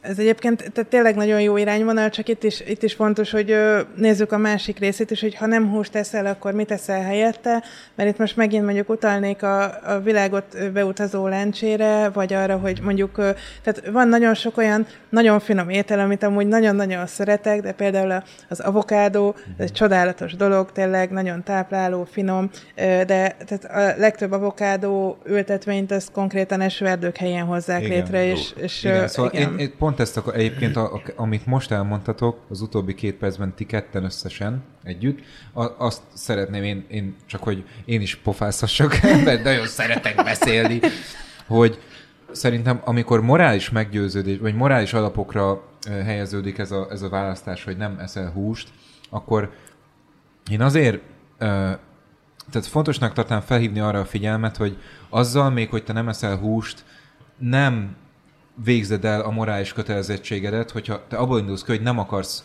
állatokat ölni. Mert hogyha ha például avokádót eszel, vagy tehát, hogy akkor, ha ezt tényleg te biztosítani akarod, hogy ne ölj állatot, akkor viszont olyan zöldséget és gyümölcsöt és, és nem állati, nem tudom mi. Mondok példát, kell jó? fogyasztanod, csak had, bocs, hogy hagyj fejezem be, amiről tudod, hogy honnan jön, mert hogyha egy olyan forrásból származik, mint amit te mondtál, Orsi, akkor nem, nem is az, hogy sokkal több állat életet vesz, veszel el te azzal, hogy azt megeszed, mm. mint egy olyan ember, aki mondjuk elmegy vadászni, de még egy olyan ember is, aki leveszi a, a, a polcról a húst. Mert hogy ott olyan biodiverzitás mészárlás folyik, ahonnan az a termék jön, és attól még, hogy nem húst teszel, te részt veszel abban a gyilkosságban. És szerintem, aki tényleg morális, én most nem azért mondom, hogy lefikázzam azt, aki morálisan, hanem, hm. hogyha tényleg erről van meggyőződő, akkor viszont ezt át kell gondolni. Ne egyen nutellát. Mert hogy a nutella állítólag elképesztő mennyiségű pálmaolajat tartalmaz, ah. és az brutális, amit művel a világunkkal. Így Igen. van ez? Hát a, a pálmaolaj az tényleg az egyik legnagyobb probléma a trópusokon, tehát az, az borzalmas, úgyhogy igen, ö, mindenképpen az, az egy nagyon fontos dolog lenne, hogy minél jobban felhívni a figyelmet arra, hogy milyen termékekben van pálmaolaj, és, és egyszerűen lecserélni másra. Csak Mi a baj a pálmaolaja amúgy? Hát ö, ezt is az esőerdők és mindenféle ö, trópusi ökoszisztémák, természetes ökoszisztémák helyére telepítik az olajpálma ültetvényeket, ö, és hát például a David Attenborough filmjében lehetett látni ezt a drasztikus a szegény orángután ott a az, az borzalmas. Aki nem látta, az nézem. Az, azt mindenképpen nagyon érdemes megnézni, tehát az úgy képekben elmondja, hogy mi a, baj az, mi a baj az olajpálmával. Tényleg, és azóta olvastam sok uh, tudományos cikket arról, hogy összehasonlították olajpálma ültetvényeknek a biodiverzitását bármi mással, és egy nagyon egyszerű összehasonlítás, mert a nullát kell összehasonlítani a bármivel, tehát tényleg az, az így nullára leradírozza az egész uh, biodiverzitást, és, és ott tényleg olyan tehát ez olyan szintű veszélyeket jelent, hogy ott nagyon sok olyan élőlény lehet, aminek az utolsó populációit veszélyezteti. És hogy igen, hogy ez látszólag távoli dolog tőlünk, de igazából mindenkinek a hűtőjében, kamrájában biztosan van több olyan termék is, ami nagy mennyiségben tartalmaz mm. pálmaolajat. Tehát igen. nehéz ügy ez. Meg ez egy csomó mást is. Igen. Volt, ö, azt hiszem, hogy talán a Dietrich Ernő volt az első olyan vendégünk, ha jól emlékszem, de jó, hogy tévedek, aki, akivel ilyen jellegű problémákról beszélgettünk. És Ernő volt szíves, és úgy jött ide, hogy hozott több példányt a könyvéből, amit írt. Mm. És mhm. ebben a könyvben uh, már többször eszembe jutott a, a mai beszélgetésünk alatt, mm. um, mert rengeteg ilyen dologról van szó, tehát ő, igazából inkább társadalmi szemszögből közelíti ezt meg, de nyilván nem hagyhatja ki például az ipart, meg mezőgazdaságot, illetve ezt, ennek az egésznek a logisztikai szerveződését, amit ő egyébként agglomerációkban képzel el, és egy számomra tök érdekes téma volt ott, meg e, ez a tanulmány is eszembe juttatta azt, a ti tanulmányotok, vagy uh-huh. publikációtok, hogy amíg nincs feltüntetve őszintén az, hogy mi van abban a termékben, amit fogyasztasz, és azok minden, ami van benne, az honnan jön, addig te, mint vásárló, mint fogyasztó, nem tudod felmérni, hogy annak a terméknek a megvásárlásával mekkora ökológiai lábnyót hozol magad után létre. És ő azt gondolja, hogy ez erre egy külön ö, külön politikai szervezetet, vagy mit tudom, ilyen jogi szervezetet kéne létrehozni, hogy a, a cégeknek a termékeikre ken kötelező legyen feltüntetni azt, hogy honnan jön, mert amíg te ezt nem tudod, hogy, hogy az, amit megeszel, egy, ugye egyrészt eleve ott, hogy mi az, amit megeszel, tehát ezt már eleve tudni kéne, mm. de ezen föl még azt is tudni kéne, hogy amit megeszel, az honnan jön, mert addig nem tudod felmérni, hogy te mennyire, mekkora részt vállalsz a környezetpusztításban. De szerintem eleve az emberek azt hiszik, hogy rajta van. Hát, igen. Igen. Rajta van. Hát valami Néhány rajta dolog, van. De Igen. hát nem egy Igen. nagyon pontos dolog. Orsi, te véletlenül hallgatsz Joe Rogan podcastet? Nem. Képzeld el, hogy, hogy ez nem, nem most volt, hanem talán másfél vagy két hónapja. Volt egy vendég, akit úgy hívnak, hogy, um, hogy azt mondom, hogy Will Harris. Uh-huh. Ez, egy, ez egy hatodik generációs farmer csávó Amerikában, uh-huh. és családja történetében mindig végig hagyományos mezőgazdaságot uh-huh. folytattak, tehát mindenféle side, pesticide, insecticide, mit tudom én, uh-huh. minden ilyen, ilyen vegyszer, ami létezik, uh-huh. és ez a forma pedig egyszer csak találkozott egy olyan ö, helyjel, ahol regeneratív mezőgazdaságot folytattak, és észrevette, hogy ez egy folyóparton volt, hogy a víz, meg mindenféle bioszféra, ami körülötte van, sokkal egészségesebb és tisztább, mint bárhol máshol, és kipróbálta. És most már úgy van, hogy, hogy évente körülbelül tízezer koncsaftja van, hm. tehát hogy tízezer embert lát el élelemmel, és regen, százszázalékosan regeneratívba dolgozik, hm. minden tekintve a növényeket, az állatokat, nem használ nem használ permetet, nem használ Önmagában a természet végzi a tisztítási és, folyamatokat. És az elején még volt, hm. volt valami azt, amit te mondtál, hogy, hogy de hogy mi van akkor, ugye, hogyha valami gebasz van, és mit tudom én, betegség, vagy ilyesmi a növényeken, vagy állatokon. Képzeld el, hogy neki van egy ugye a madarakot, a karib térségből berepülő madarak leszartak ilyen soda apple tree mit tudom, szóda, alma, fa magokat, ami egy invazív faj, uh-huh. és hogyha hagyod elszaporodni, akkor átveszi a teljes uralmat a, a landscape uh-huh. fölött. És és ugye a csávó nyilván kiírhatta volna ezeket, mit tudom én, akármivel, uh-huh. de úgy gondolta, hogy nem, ő nem szakít a regeneratívval, hanem utána járt, hogy van egy olyan bogár, ami csak ezt eszi. Uh, és beszerezte azt a de bogárfajt, és, és szóval, hogy hogy ö, nyilván vannak olyan kihívások, amivel szembesül az ember, hogy vannak problémák, de ez a Will Harris csávó, aki most már ugye 20 éve ezt csinálja, vagy 25 éve ezt a regeneratív farmingot, és, és fejlődik az egész biznisz, azt mondja, hogy amire, amit a természet létrehozott, amilyen betegséget a természet létrehozott, arra létrehozott egy, egy gyógyírt is. Nem tudom, hogy ez igaz-e, de az ő meglátása az, aki már mondom évtizedek óta ebbe dolgozik, és egy sok generációs farmer családból jön, hogy azzal, hogy ő elkezdte a regeneratív kultúrát folytatni, nem csak azt, azt idézte elő, hogy megkíméli a környezetét, meg a földi, földjét, meg az állatokat, meg mindent ettől a borzasztó szenvedéstől, hanem igazából minden egyéb vonatkozásban is profitáblisabb lett a biznisz egy ilyen kiegyensúlyozott szempontból. Tehát nyilván nem arról van szó, hogy ha kizsákmányolsz valamit, és monokrop, monokultúrát csinálsz, az világos, hogy egyszerűbb, olcsóbb, meg nagyobb profit, meg minden. De hogyha valamit észre normálisan csinálsz, akkor igazából nincsen akkora hátulütője, mint amennyi dologról le kell mondanod. Tehát, hogy érted az, amit mm-hmm. mondani akarok? Igen. Hogy nem, nem, messze nem olyan rossz, ez a kompromisszum, mint amennyire állati jó. Igen, ez nagyon jó, amit mondtál, meg majd utána is fogok nézni ezeknek a podcasteknek, mert ez, ez tök jól hangzik. Elküldöm neked. Na, tök jó, köszi. Mert hogy igazából szerintem ez tényleg egy ilyen filozófiailag kb. ez a regeneratív mezőgazdaságnak az alapja, hogy, hogy a természetnek a, a folyamatait használjuk föl arra, uh-huh. hogy termeljünk, vagy hogy a termelést fent tudjuk tartani. Tehát, hogy például akár az, hogy mondjuk a, a talaj ö, művelés ö, ne legyen annyira intenzív, legyenek mondjuk a, a sorokban ö, sorköznövények. Ezáltal azt a folyamatát használjuk fel a természetnek, hogy a különböző növényfajoknak a gyökere az különböző mélységbe megy le, ö, egy megfelelő ö, talaj átszerveződtséget tud létrehozni, megfelelő talajéletet, tehát hogy ez is, ez is olyasmi, mint amit te mondasz, hogy ö, hogyha hagyjuk a természetet, hogy ö, tegye a dolgát, akkor ö, akkor ez segíti a mezőgazdasági termelést is. Mm. Hogyha már egy amerikai jó. farmerről volt szó, akkor ezt feltétlenül meg kell kérdezem most, hogy az Egyesült Államokban megengedett és bevett szokás a génmódosított élelmiszereknek a, a termesztése, előállítása. Az Európai Unióban tudtommal nem. Ez a génmódosított élelmiszer az összeegyeztethető-e a regeneratív mezőgazdasággal?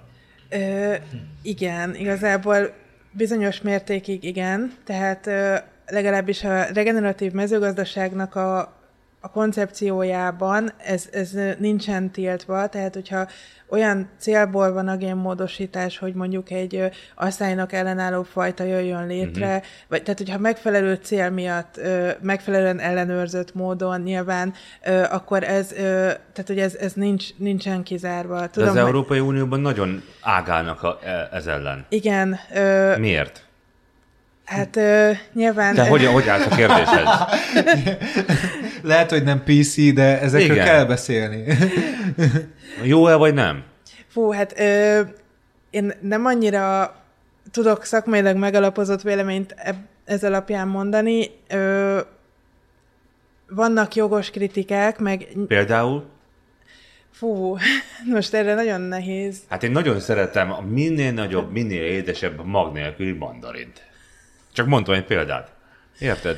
Igen, igen. Vagy egy jó kaliforniai paprikát, ami ilyen jó húsos. Tehát, hogyha ez game, game módosítva van, az még nem feltétlenül ördögtől való szerintem. Hát nem, de, de nem tudom, azért szerintem érdemes megnézni a tendenciákat, hogyha például ugye ugye azok a, a, a hormoncsippekkel, meg, meg antibiotikumokkal ellátott állatok. Azok más, az más. De nem, nem tudom, hogy mennyire más. Csak azt, azt akarom mondani, hogy azt nézd meg, hogy, hogy a, ahol olyan helyeken, ahol ezeket tömegesével fogyasztják, lásd az Egyesült Államok, ezeket az, a kórosan obéz, beteg állatokat, ott miben halnak meg a legtöbben?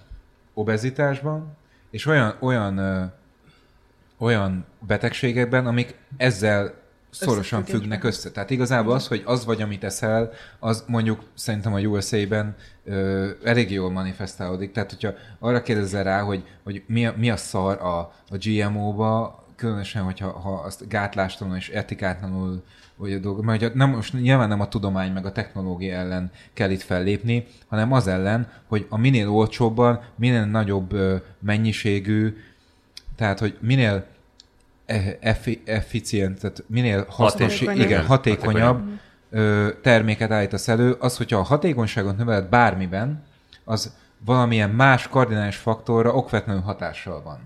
És nyilván, hogyha a hatékonyságot növeled, akkor azt a másik faktort csökkent egyébként. Azt mondom, hogy a növényeknél ez kb. valahogy így lehet mondjuk a, a, ugye az effektivitás. Nem akarod fölvenni valami kis...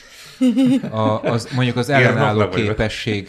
Ö, Jobb legalábbis én ezt, ezt értettem meg néhány írásban, amit olvastam, hogyha ha a, a szoporú, szaporuló képességet, meg a termés növeled, akkor az ellenálló képességet, meg az egésznek a, ugye, hogy a generál vitalitását csökkented. Igen, ez mondjuk tényleg igaz, tehát hogy, hogy ez egy jogos kritika lehet, hogy mondjuk a túl egy irányba szelektált, vagy génmódosított ö, fajtáknál tényleg az ellenálló képesség az nagyon sokszor csökken emiatt, és fontos, hogy mondjuk megőrizzük ezeket a tájfajtákat, meg a crop wide relatives, tehát a, a, azokat a ősi kultúrfajtákat, amik, amikből annó elindult a nemesítés, ö, tehát ez, ez egy nagyon fontos része ennek. Tehát igen, általában ez egy fontos ö, probléma, hogy a, a génmódosított vagy géneditált ö, ö, kultúrák azok nem annyira ellenállóak például a, a természeti ö, jelenségekkel, vagy a, a szájjal, vagy ö, betegségekkel, vagy bármivel szemben. Tehát, hogy nincs olyan, hogy szuper növény, vagy szuper állat, ami mindent is tud. De akkor meg a természeti törvények ezeket ö, meg fogják oldani. Tehát, hogyha olyan lesz az időjárási helyzet, akkor... De most ezen van a föld, Igen. hogy ezt megoldja. Ez Igen. ilyen probléma. Jó, erre egy megoldás lehet, ez nem tudom például megint csak, hogy a regeneratív mezőgazdasággal mennyire lehet közös nevezőre hozni, hogy a technológiai fejlődés következtében most már ott tartunk, hogy vannak olyan ö, megoldások, hogy te a konyhádban egy ilyen két méter magas vízzel teli lámpákkal mesterségesen megvilágított kiskertet tudsz létrehozni, ahol ekkora fej salátákat tudsz neve, növeszteni, úgy, hogy nem is kell hozzá semmiféle föld. Igen, ez, ez megint egy nagyon érdekes dolog, hogy ez a dolog egyáltalán mennyire fér bele a regeneratív mezőgazdasági koncepcióba, de valahol szerintem beleférhet. Tehát mondjuk Szingapurban ott vannak ezek az óriási nagy vertikál farmok, amik uh-huh. több emelet magasságban, kis területre koncentrálva megtermelik egy jelentős részét annak az élelmiszernek, amit ezt a nagyon pici, nagyon nagy lakosságú állam elfogyaszt. És tehát, hogy ez igazából, ez egy költséghatékony, tehát úgy mondom, hogy erőforrás hatékony termelés is lehet. nem kell hozzá föld? Nem kell hozzá föld, nem veszük el senkitől a ö, termőterületet. Mi a probléma? A, igen, tehát viszont nyilván kell hozzá energia, nagyon sok Aha. Tehát mind, minden, meg létre kell hozni, nem, tehát, hogy ö, mindegyikben van trade-off. tápanyagokat, amiket a növények felszívnak, azokat valahogy bele kell jutnat, juttatnod abban a, abba a Közegbe, a, igen. igen. A kö, vívő Nem elég a víz? Közegbe, hát, hát nem, Hát a, csak meg víz kellenek a önmagában. tápanyagok is mellé. És miféle tápanyagok? Hát nitrogén, foszfor, kálium, nyomelemek, minden, ö, de, de igazából, tehát... És ö, ezeket honnan nyerjük ki, hogyha nem a, a földből? Hú, hát hogy most konkrétan ezekben a vertikál farmokban hogy csinálják, azt nem Tehát tudom valószínűleg sajnos, ilyen, de... ilyen rettenet durva tápoldatokat Igen, alkalmaznak. tehát, de az is. is. De annak, annak például Ez kemikáliának minősül? A, az abszolút, szerintem nem, igen. nem feltétlenül. Ö, Én nem vagyok benne biztos. nem Hát figyelj, ez minden bizonyan szintetikus, tehát hogy, hogyha Miért? arra Miért gondolsz, kéne? hogy hát nem tudom, de Figyelj, Léci, mondd el nekünk, hogy, hogy, hogyha valaki otthon ö, komposztál, akkor ugyanúgy Ja, természetes jó, hát hogyha meg otthon tudja. komposztálsz, az fasza, de hát nem ezt csinálj. Most gondolj bele, hogy ezek a vertikál farmok, érted? Most nem az, hogy otthon komposztálsz egy másfél négyzetméteren, hanem ezek, ez rettenet sok. Tehát ez, ez nagyságrendek sok, sok növény.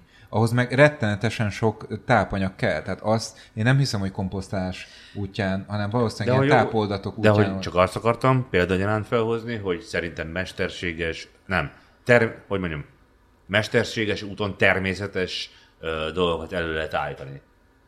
Tehát, hogy ez egy ö, Hát mesterséges végülis a regeneratív mezőgazdaság is ilyen, ami egy kontrollált Na, két folyamat. okos beszélget. De amúgy, tehát hogy szerintem mindkettőtöknek igaza van, és megint az, hogy hogy, tehát ez annyira relatív sajnos, hogy erre nagyon nehéz mit mondani. Tehát például egy ilyen óriási nagyvároson belül szerintem ez egy, egy tök jó irányvonal, hogyha vannak ilyen helyben termelt dolgok, mert legalább ö, még akkor is, hogyha vertikál farmon van termelve, mert annyira le lehet csökkenteni a szállítással, meg egyéb ö, dolgokkal, meg a, a város környékére uh-huh. ö, ható, amúgy is nagyon durva környezetterhelést lehet ezzel csökkenteni, tehát hogy ez egy, ez egy ígéretes irányvonal, és valószínűleg a technológiát fogják úgy fejleszteni, hogy ki fognak találni akár olyan verziót is, ami, ami valahogy egy ilyen körkörös gazdaság formájában esetleg ja. a, a helyi ö, melléktermékekből Ez visszaforgatva, vagy valami ilyesmi. Igen. Tehát, hogy szerintem biztosan, ö, tehát lenne ebben ö, potenciál. Igen. Tehát pont az, hogy, hogy ennek a jelentésnek nekünk az volt az egyik fő tanulság, hogy annyira sok ö, jó kis ö, ötlet van, ö, jó kis ö, dolog, ami már működik, bevált. Van olyan, amit most próbálnak, van olyan, ami már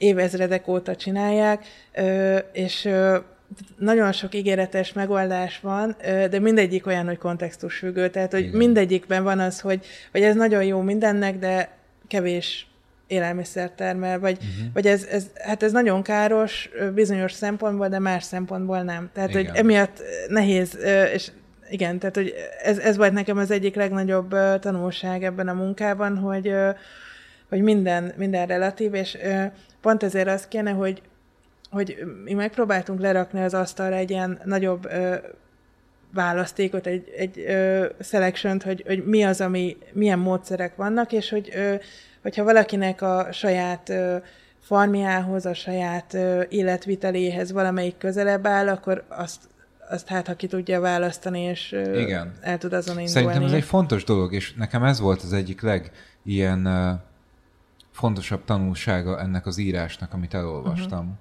tőletek, hogy ha, ha nem a, a nagyvállalatok, tehát nem a, a gigavállalatok nézőpontjából indulsz ki, hanem mondjuk a, mondjuk induljunk ki Magyarországból. És tudjuk, hogy van a főváros, vannak nagyvárosok, és vannak, vannak agglomerációk, meg vannak olyan, tehát azért Magyarországon szerintem, noha most már a gyakorlatban ugye egyre kevesebb, de, de egy csomó olyan termékfajta, meg, meg konkrét termék van, ami, igazából a mezőgazdasághoz kötődik. A bor, a paprika, a hagyma, mit tudom én, almák, gyümölcsök, érted?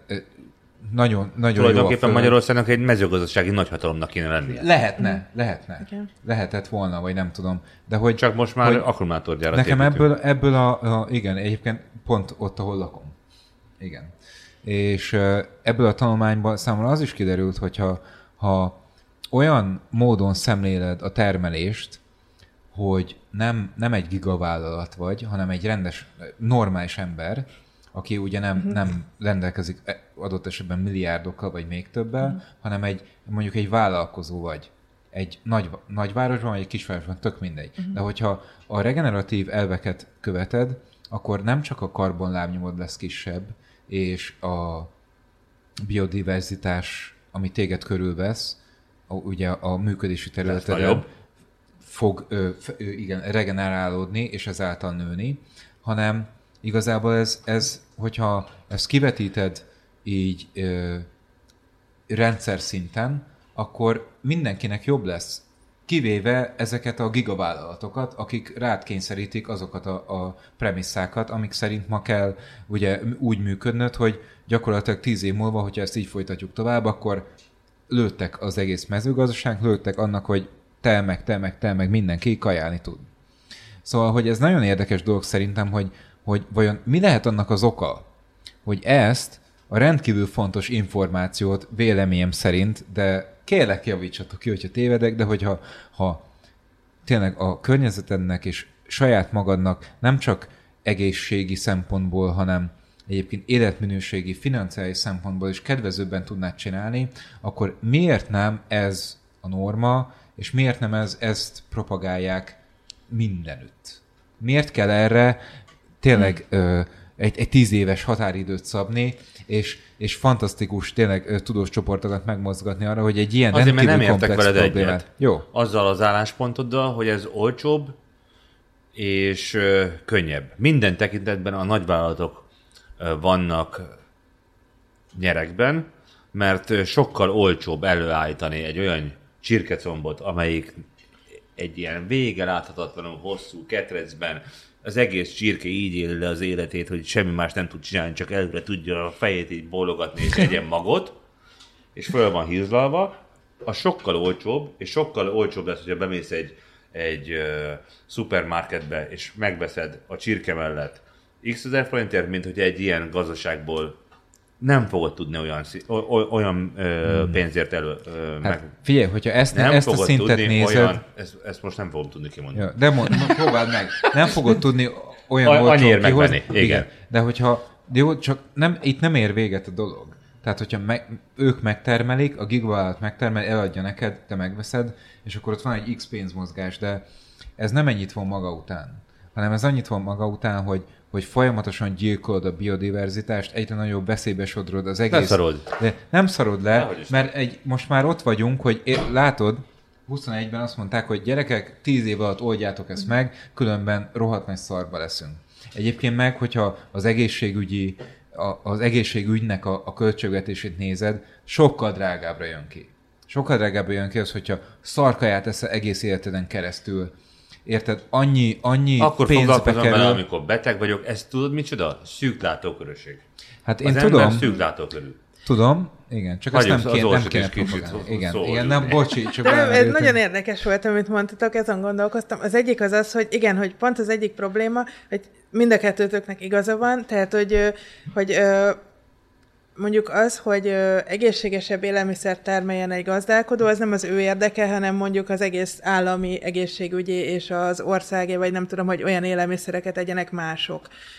Vagy, vagy az, hogy a biodiverzitás megmaradjon, az sem feltétlenül a, az adott gazdálkodónak az érdeke, hanem valami nagyobb szinten megfogalmazódott érdek, ami, amiben, tehát hogy pont az lenne a lényeg, az, azért kellenének azok, hogy a meg, meglevő stratégiák minél inkább hatékonyan beváltsák a hozzájuk fűzött reményt, pont az lenne a lényeg, hogy azt, aki csinálja, azt érdekelté tegyük abban, hogy miért csinálja máshogy. Igen, mert, van. mert különben nem fogja, tehát hogy teljesen igaz, hogyha, hogyha olcsóbban, egyszerűbben meg tudja oldani úgy, ahogy eddig csinálta, Igen. akkor minek változtasson. Tehát, hogy pont, pont ezeket kéne hangsúlyosabban belevinni, ö, akár az agrártámogatások rendszerébe is, ö, kicsit nagyobb ö, szabadságot is adni, ö, tehát hogy ö, azt hangsúlyoztuk a riportban is, hogy mondjuk az adaptív menedzsment, ez egy nagyon fontos dolog lenne, az, hogy, ö, hogy van egy rendelkezésre álló ö, készlet, egy eszközrendszer, amiből választhat az adott gazdálkodó, hogy az ő adott ö, farmján, az ő adott ültetvényében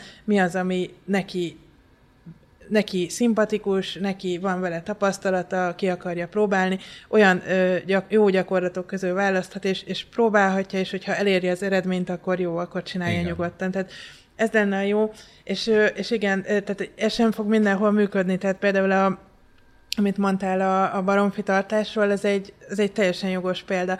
Van olyan példa, ahol meg jól működhet. Tudok egy ilyen jó példát mondani, hogy például a szőlő termesztésben. Ö, Ugye a, a szőlők közötti sorközöket, azokat különböző módon lehet növel, ö, ö, művelni, és nagyon gyakori a, a kultivátoros művelés, az, hogy ö, gyakorlatilag sívó talaj felszínt próbálnak fenntartani a, a mit jelent? szőlős sorok között, tehát hogy nincsen semmi növény, ö, pont, hogy gyommentesen tartani, ö, kapálni, rendszeresen nyomtalanítani. Ez egy, ez egy nem olcsó dolog egyébként, mert kell hozzá a munkaerő, ö, nem könnyű feltétlenül, ö, tehát ugye sok olyan ö, szőlőterület van, ami olyan régiókban van, ahol már nem annyira van munkaerő, tehát ráadásul ez egy idény munka, szóval ez, ez egy nem, nem könnyű dolog. És akkor erre van egy másik módszer, amit mi is ö, régebben még vizsgáltunk, a szőlősorközöknek a gyepesítése, vagy, ö, vagy ö, magkeverékek vetése, ami által egy ilyen virággazdag, fajgazdag növényzetet hozunk létre a szőlősorközben, ami megköti ott a talajt, és a gyomokat azokat visszaszorítja. Ö, ezeknek a növényeknek, tehát úgy kell megválasztani a növényeket, hogy a gyökerük az ne legyen konkurenciája a szőlő gyökerének, ö, nem érnek olyan magasra, hogy esetleg betegségeket vagy bármit terjesztenek a szőlő felé, és ez, ettől egy ilyen nagyon szép zöld élő ültetvény van, a talaj egészsége megmarad, és Tehát, hogy ez, ez egy olyan példa, amit itt, itt lehet tényleg azt hangsúlyozni, hogy nagyon sokszor ugye a szőlősgazdák, azok generációról generációra örökítik a uh-huh. szőlőjüket. Igen. Nekik fontos az, hogy még 50 év múlva is ott ah. szőlő legyen. Ja. És hogy ugye a meredek hegyoldalakon az erózió, a, a, a nagy esőzések miatt sokszor van az, hogy ö, úgy pusztul le a talajréteg, hogy, hogy centikbe lehet mérni a, a pusztulást ö, évek alatt. És ö, tehát például egy ilyen szőlősorköz vetés, az, az, ez tök jól megakadályozza, megkötik ezek a gyökerek a talajt, és nem engedik, hogy lemossa az eső. Tehát, hogy ez például, ez egy ilyen nagyon jó példa arra, hogy, hogy a regeneratív mezőgazdaság az igazából nem feltétlenül kerül több pénzbe az, hogy megveszi egyszer a magkeveréket, elveti, és majd öt év múlva újra veti, mint hogy évről évre ott kapálja, meg ö, talajművelést folytasson, ö, növeli az ültetvénynek az ökoturisztikai értékét, mert ugye egyre többször van olyan, hogy borkos tolósétálgatunk a szőlőben, Igen. sokkal szívesebben nézünk Igen. egy virágos, Abszolút. zöld akármit, mint a, a sivó talajt, plusz megmarad a talaj az unokának is. Tehát, hogy, hogy ez egy nagyon jó példa, csak sajnos az is igaz, hogy most így, hogyha a baromfitartásról kérdeznének, én nem tudnék ilyen ö, meggyőző példát mondani azzal kapcsolatban, de ö, biztos van valaki, aki tudja már. Tehát, hogy ez is egy fontos dolog lenne, hogy az ilyen jó példákat, amik működnek, igenis vannak win-win szituációk, ezeket meg kell találnunk, és, és támogatni kell. Én sokszor hallom kritikának azt a regeneratív mezőgazdasággal kapcsolatban, hogy az ellen, hogy jó, oké, okay, tök fasz, hogy, hogy zöld vagy, hm. meg, meg jobb a természetnek, de hogy, hogy etetsz ennyi embert? És erre egyébként ez a csávó mondta, akit mondtam neked a mhm. podcastből, a Will, hogy jó, rendben van, hogy, hogy tényleg úgy tömege, tehát hogy nyilván mennyiségre kevesebb ember tudsz ellátni kajával, de hogyha mondjuk a, a gigavállalatoknak a, a rész vállalását fokozatosan átvennék a, a családi, meg az ilyen lokális gazdaságok, mm. akkor ugye nyilván tehát akkor, akkor az a mennyiség így fokozatosan tudna áthelyeződni, amellett, hogy az a, az a például többek között mondjuk a munka nélküliség, ami egyre komolyabb probléma, még az Egyesült Államokban Igen. is, sőt, különösen ott egyébként rettenetesen brutális, hogy még ezzel is lehetne valamit kezdeni, szóval, hogy, hogy nagyon nehéz szerintem fogást találni a regeneratív mezőgazdaság elvrendszerén abban az esetben, hogyha korrektül értékeled azt. És hogyha nem, nem egy, egy részrehajló propagandát folytatsz mondjuk a, a, a, tényleg a tömeges növény, zöldség, gyümölcs, meg húsipar mellett. Igen, ez egy nagyon fontos szempont, és tényleg az, hogy ez egy, ez egy társadalmi folyamat is, tehát hogy igenis, hogy tehát a, a, a vidéki életmódot ö, jelentősen érintő dolog ez a regeneratív mezőgazdaság, úgy, ahogy mondtad, hogy a, akár az, hogy munkahelyeket tud teremteni, akár az, hogy egyáltalán egy sokkal ö, esztétikusabb és mondjuk turisták számára sokkal vonzóbb környezet alakul ki a teljes táji léptékben, tehát hogy mondjuk ö, nem tudom, az ilyen nagyon szép kis szőlőbirtokokkal tarkított tájra sokkal szívesebben mennek turisták időt tölteni, mint mondjuk egy kukorica földek által uralt tájra. Tehát, hogy ez az egész, egész régiónak a fejlődését, meg a, a munkahelyteremtést, meg Igen. egyáltalán az életminőséget is nagyon befolyásolhatja. Szóval ez nagyon fontos. Igen, azt gondolom, hogy most, most azért tényleg aktuális ilyenekről gondolkozni. Egyébként, hogyha belegondoltok, vagyis mi belegondolunk magyar emberek, hogy, hogy vagy nem tudom, hogy ti hogy látjátok, de szerintem mondjuk 20-25-30 évre ezelőtt sokkal több ilyen családi vállalkozás meg kisüzlet volt. Tehát amikor még nem volt horror az, hogy te vállalkozó légy. Arról az időről beszélek. Mm. Amikor még volt cukorgyár, Magyarországon, mm. amikor még volt tényleg, voltak ezek az igazi magyar brendek, ami Én... miatt egyébként Magyarországot megismerték külföldön. És ez csökken, és hogyha ezt az elvrendszert követnénk, szerintem lehet, hogy ezt, ezt visszaára lehetne fordítani. Én azért látom ennek a, az ellenpólusát azzal, hogy egyre többen gondolkodnak úgy, hogy kifejezetten olyan gazdaságból szeretnének vásárolni, amelyik itt 30 kilométeres körzeten belül mm. onnét vegyek. Tehát, hogy, hogy egyre tudatosabbak az emberek, még mindig nagyon kis ö, százalékos arányban, de azért vannak Igen. ö, erre megoldások. Orsi, én azt gondolnám, hogy ö, el kéne nekünk, illetve a nézőinknek meséld, hogy nekünk elmondtad már, hogy holnap mész Brüsszelbe. És ha minden igaz, akkor pont azért mégy oda, mert hogy szeretnéd a, az Európai Uniós döntéshozóknak a szemét fölnyitni arra vonatkozólag, vagy arról vonatkozólag, hogy a regeneratív mezőgazdaságnak minél nagyobb százalékban kellene ö, a kontinensen elterjednie.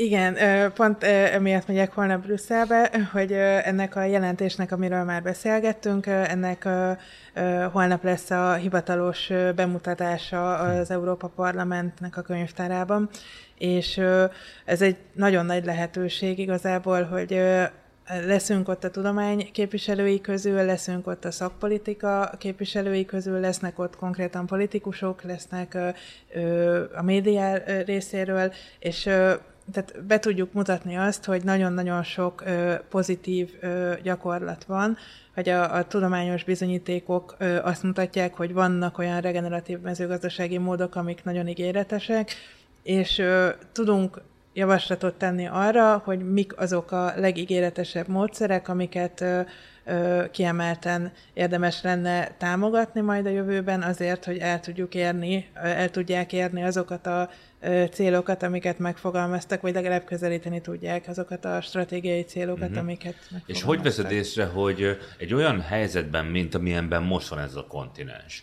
hogy itt a szomszédunkban, nekünk a szomszédunkban, de összességében háborúban állunk, sokkal súlyosabb problémák mutatkoznak nap, mint nap.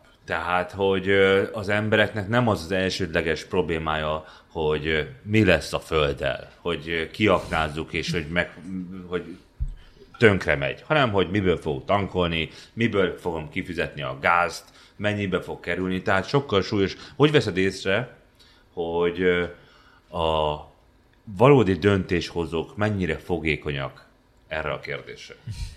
Fú, ez egy nagyon nehéz kérdés, meg, ö, meg nagyon-nagyon sokat beszélgettünk ö, kollégákkal, barátokkal arról, hogy most a, a háborúnak a hatása az egyáltalán, tehát hogy egy ilyen helyzetben tényleg, hogy nem őrültsége arról beszélni, hogy, ö, hogy regeneratív mezőgazdasággal foglalkozunk, amikor bármikor élelmiszer hiányok léphetnek föl, vagy ilyesmi, de, de pont emiatt, tehát hogy ez nem olyan fekete-fehér, mert nem csak élelmiszerekből van hiány, vagy lesz hiány, vagy bizonyos dolgokból, hanem ugye az üzemanyagtól kezdve a növényvédőszeren, a műtrágyán át, bármiből olyan hiányok léphetnek föl, amik pont, hogy abba az irányba ö, kell, hogy, tehát abba az irányba Mhm. viszik az egész dolgot, hogy a helyi erőforrásokat minél inkább próbáljuk megőrizni, hogy, hogy akkor is tudjunk termelni, hogyha nem lesz mondjuk ö, növényvédőszerünk vagy műtrágyánk.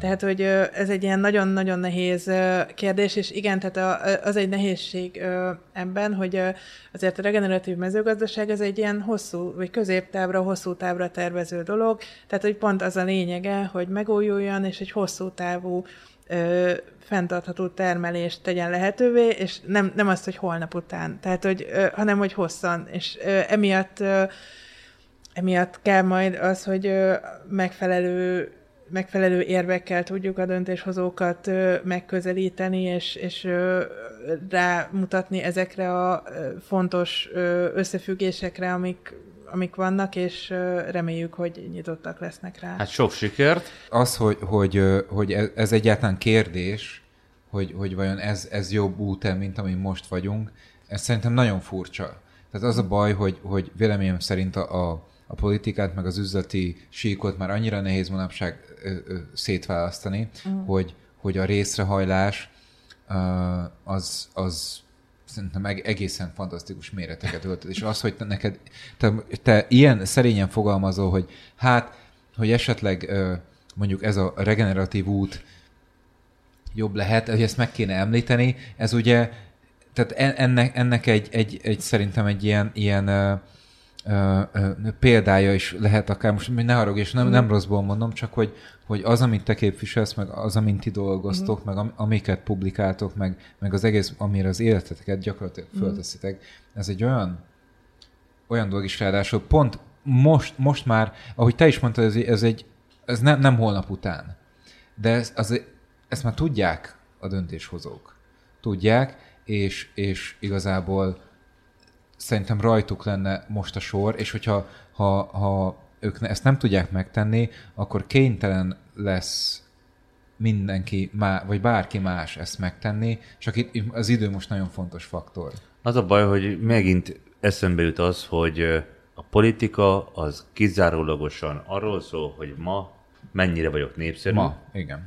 És hogy tíz év múlva mi lesz, az le van szarva. Engem viszont az érdekel, hogy te neked hogy, hogyan jött egyáltalán az az indítatás, hogy ezzel a témával foglalkozzál? Uh-huh. Van-e a családodban bárki, aki gazdálkodó, vagy hogy, hogy miért gondoltad fontosnak, hogy ne ez lesz a te szakterületed? Hát amúgy a, a családomban vannak ö, ö, agrármérnökök, ö, de... Többen is igen, ezek szerint jó? Igen, igen. többet számot. De, de amúgy, tehát hogy én mindig, én, én, én a botanikát nagyon szerettem, a növényekkel szerettem volna mindig is foglalkozni, és akkor tényleg így a gyepeken keresztül jött az, hogy igen, de a gyepek azok milyen dinamikus, érdekes rendszerek, amikhez kell az, hogy az ember valahogy fenntartsa őket, milyen módon lehet a gyepeket úgy fenntartani, hogy megőrizzük a biodiverzitást, és tehát, hogy innen indult ki ez az egész, és szerintem utána az, hogy ebbe a jelentésbe belekeveredtem, nagyon örülök neki, hogy így alakult. Ez valószínűleg innen, innen indult, hogy a tudományos akadémiák jelölhettek tagokat ebbe a bizottságba, és akkor engem is jelöltek, és utána, utána pedig volt egy európai panel, aki kiválasztotta, hogy, hogy kik legyenek a munkacsoportnak a vezetői, és akkor engem választottak az egyik vezetőnek azért, mert hogy én ezt az ökológiai oldalt képviseltem, és nagyon tök jó volt. Szóval igazából nagyon meg, meg is lepődtem rajta, meg, meg örültem is nagyon ennek a lehetőségnek.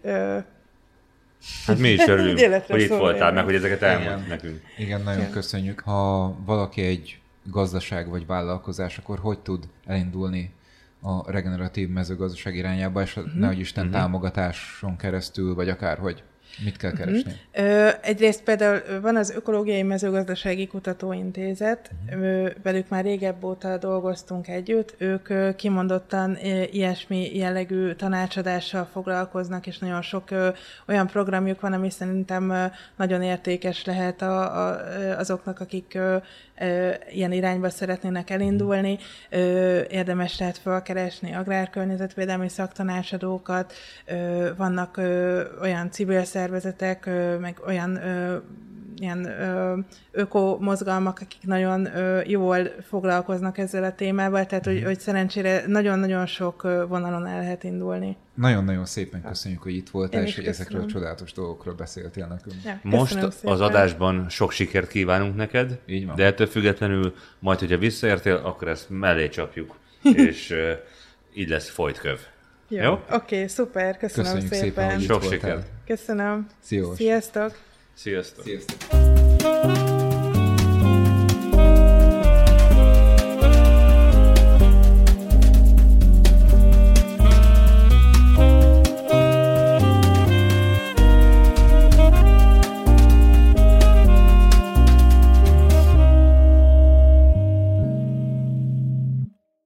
Állandó hangtechnikai partnerünk a Microsound Kft.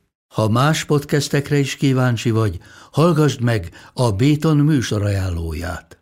El tudod képzelni, hogy a podcastet, amit éppen most hallgattál, fél év múlva már a mesterséges intelligencia generálja? Mi sem. De ha érdekel, eljött már a gépek lázadása. Hallgass bele az Embertelen podcastbe. Orsós Lajos vagyok, a műsor házigazdája. Egyelőre még élőben. Egyelőre. Fedezzük fel együtt, hogyan ismerkedik, randizik, mesél és vitatkozik Betty és Péter, két teljesen mesterséges intelligencia. Lajos, a podcast címét mond még egyszer, Léci. Oké. Okay. Embertelen podcast. A műsor a Beaton Network tagja.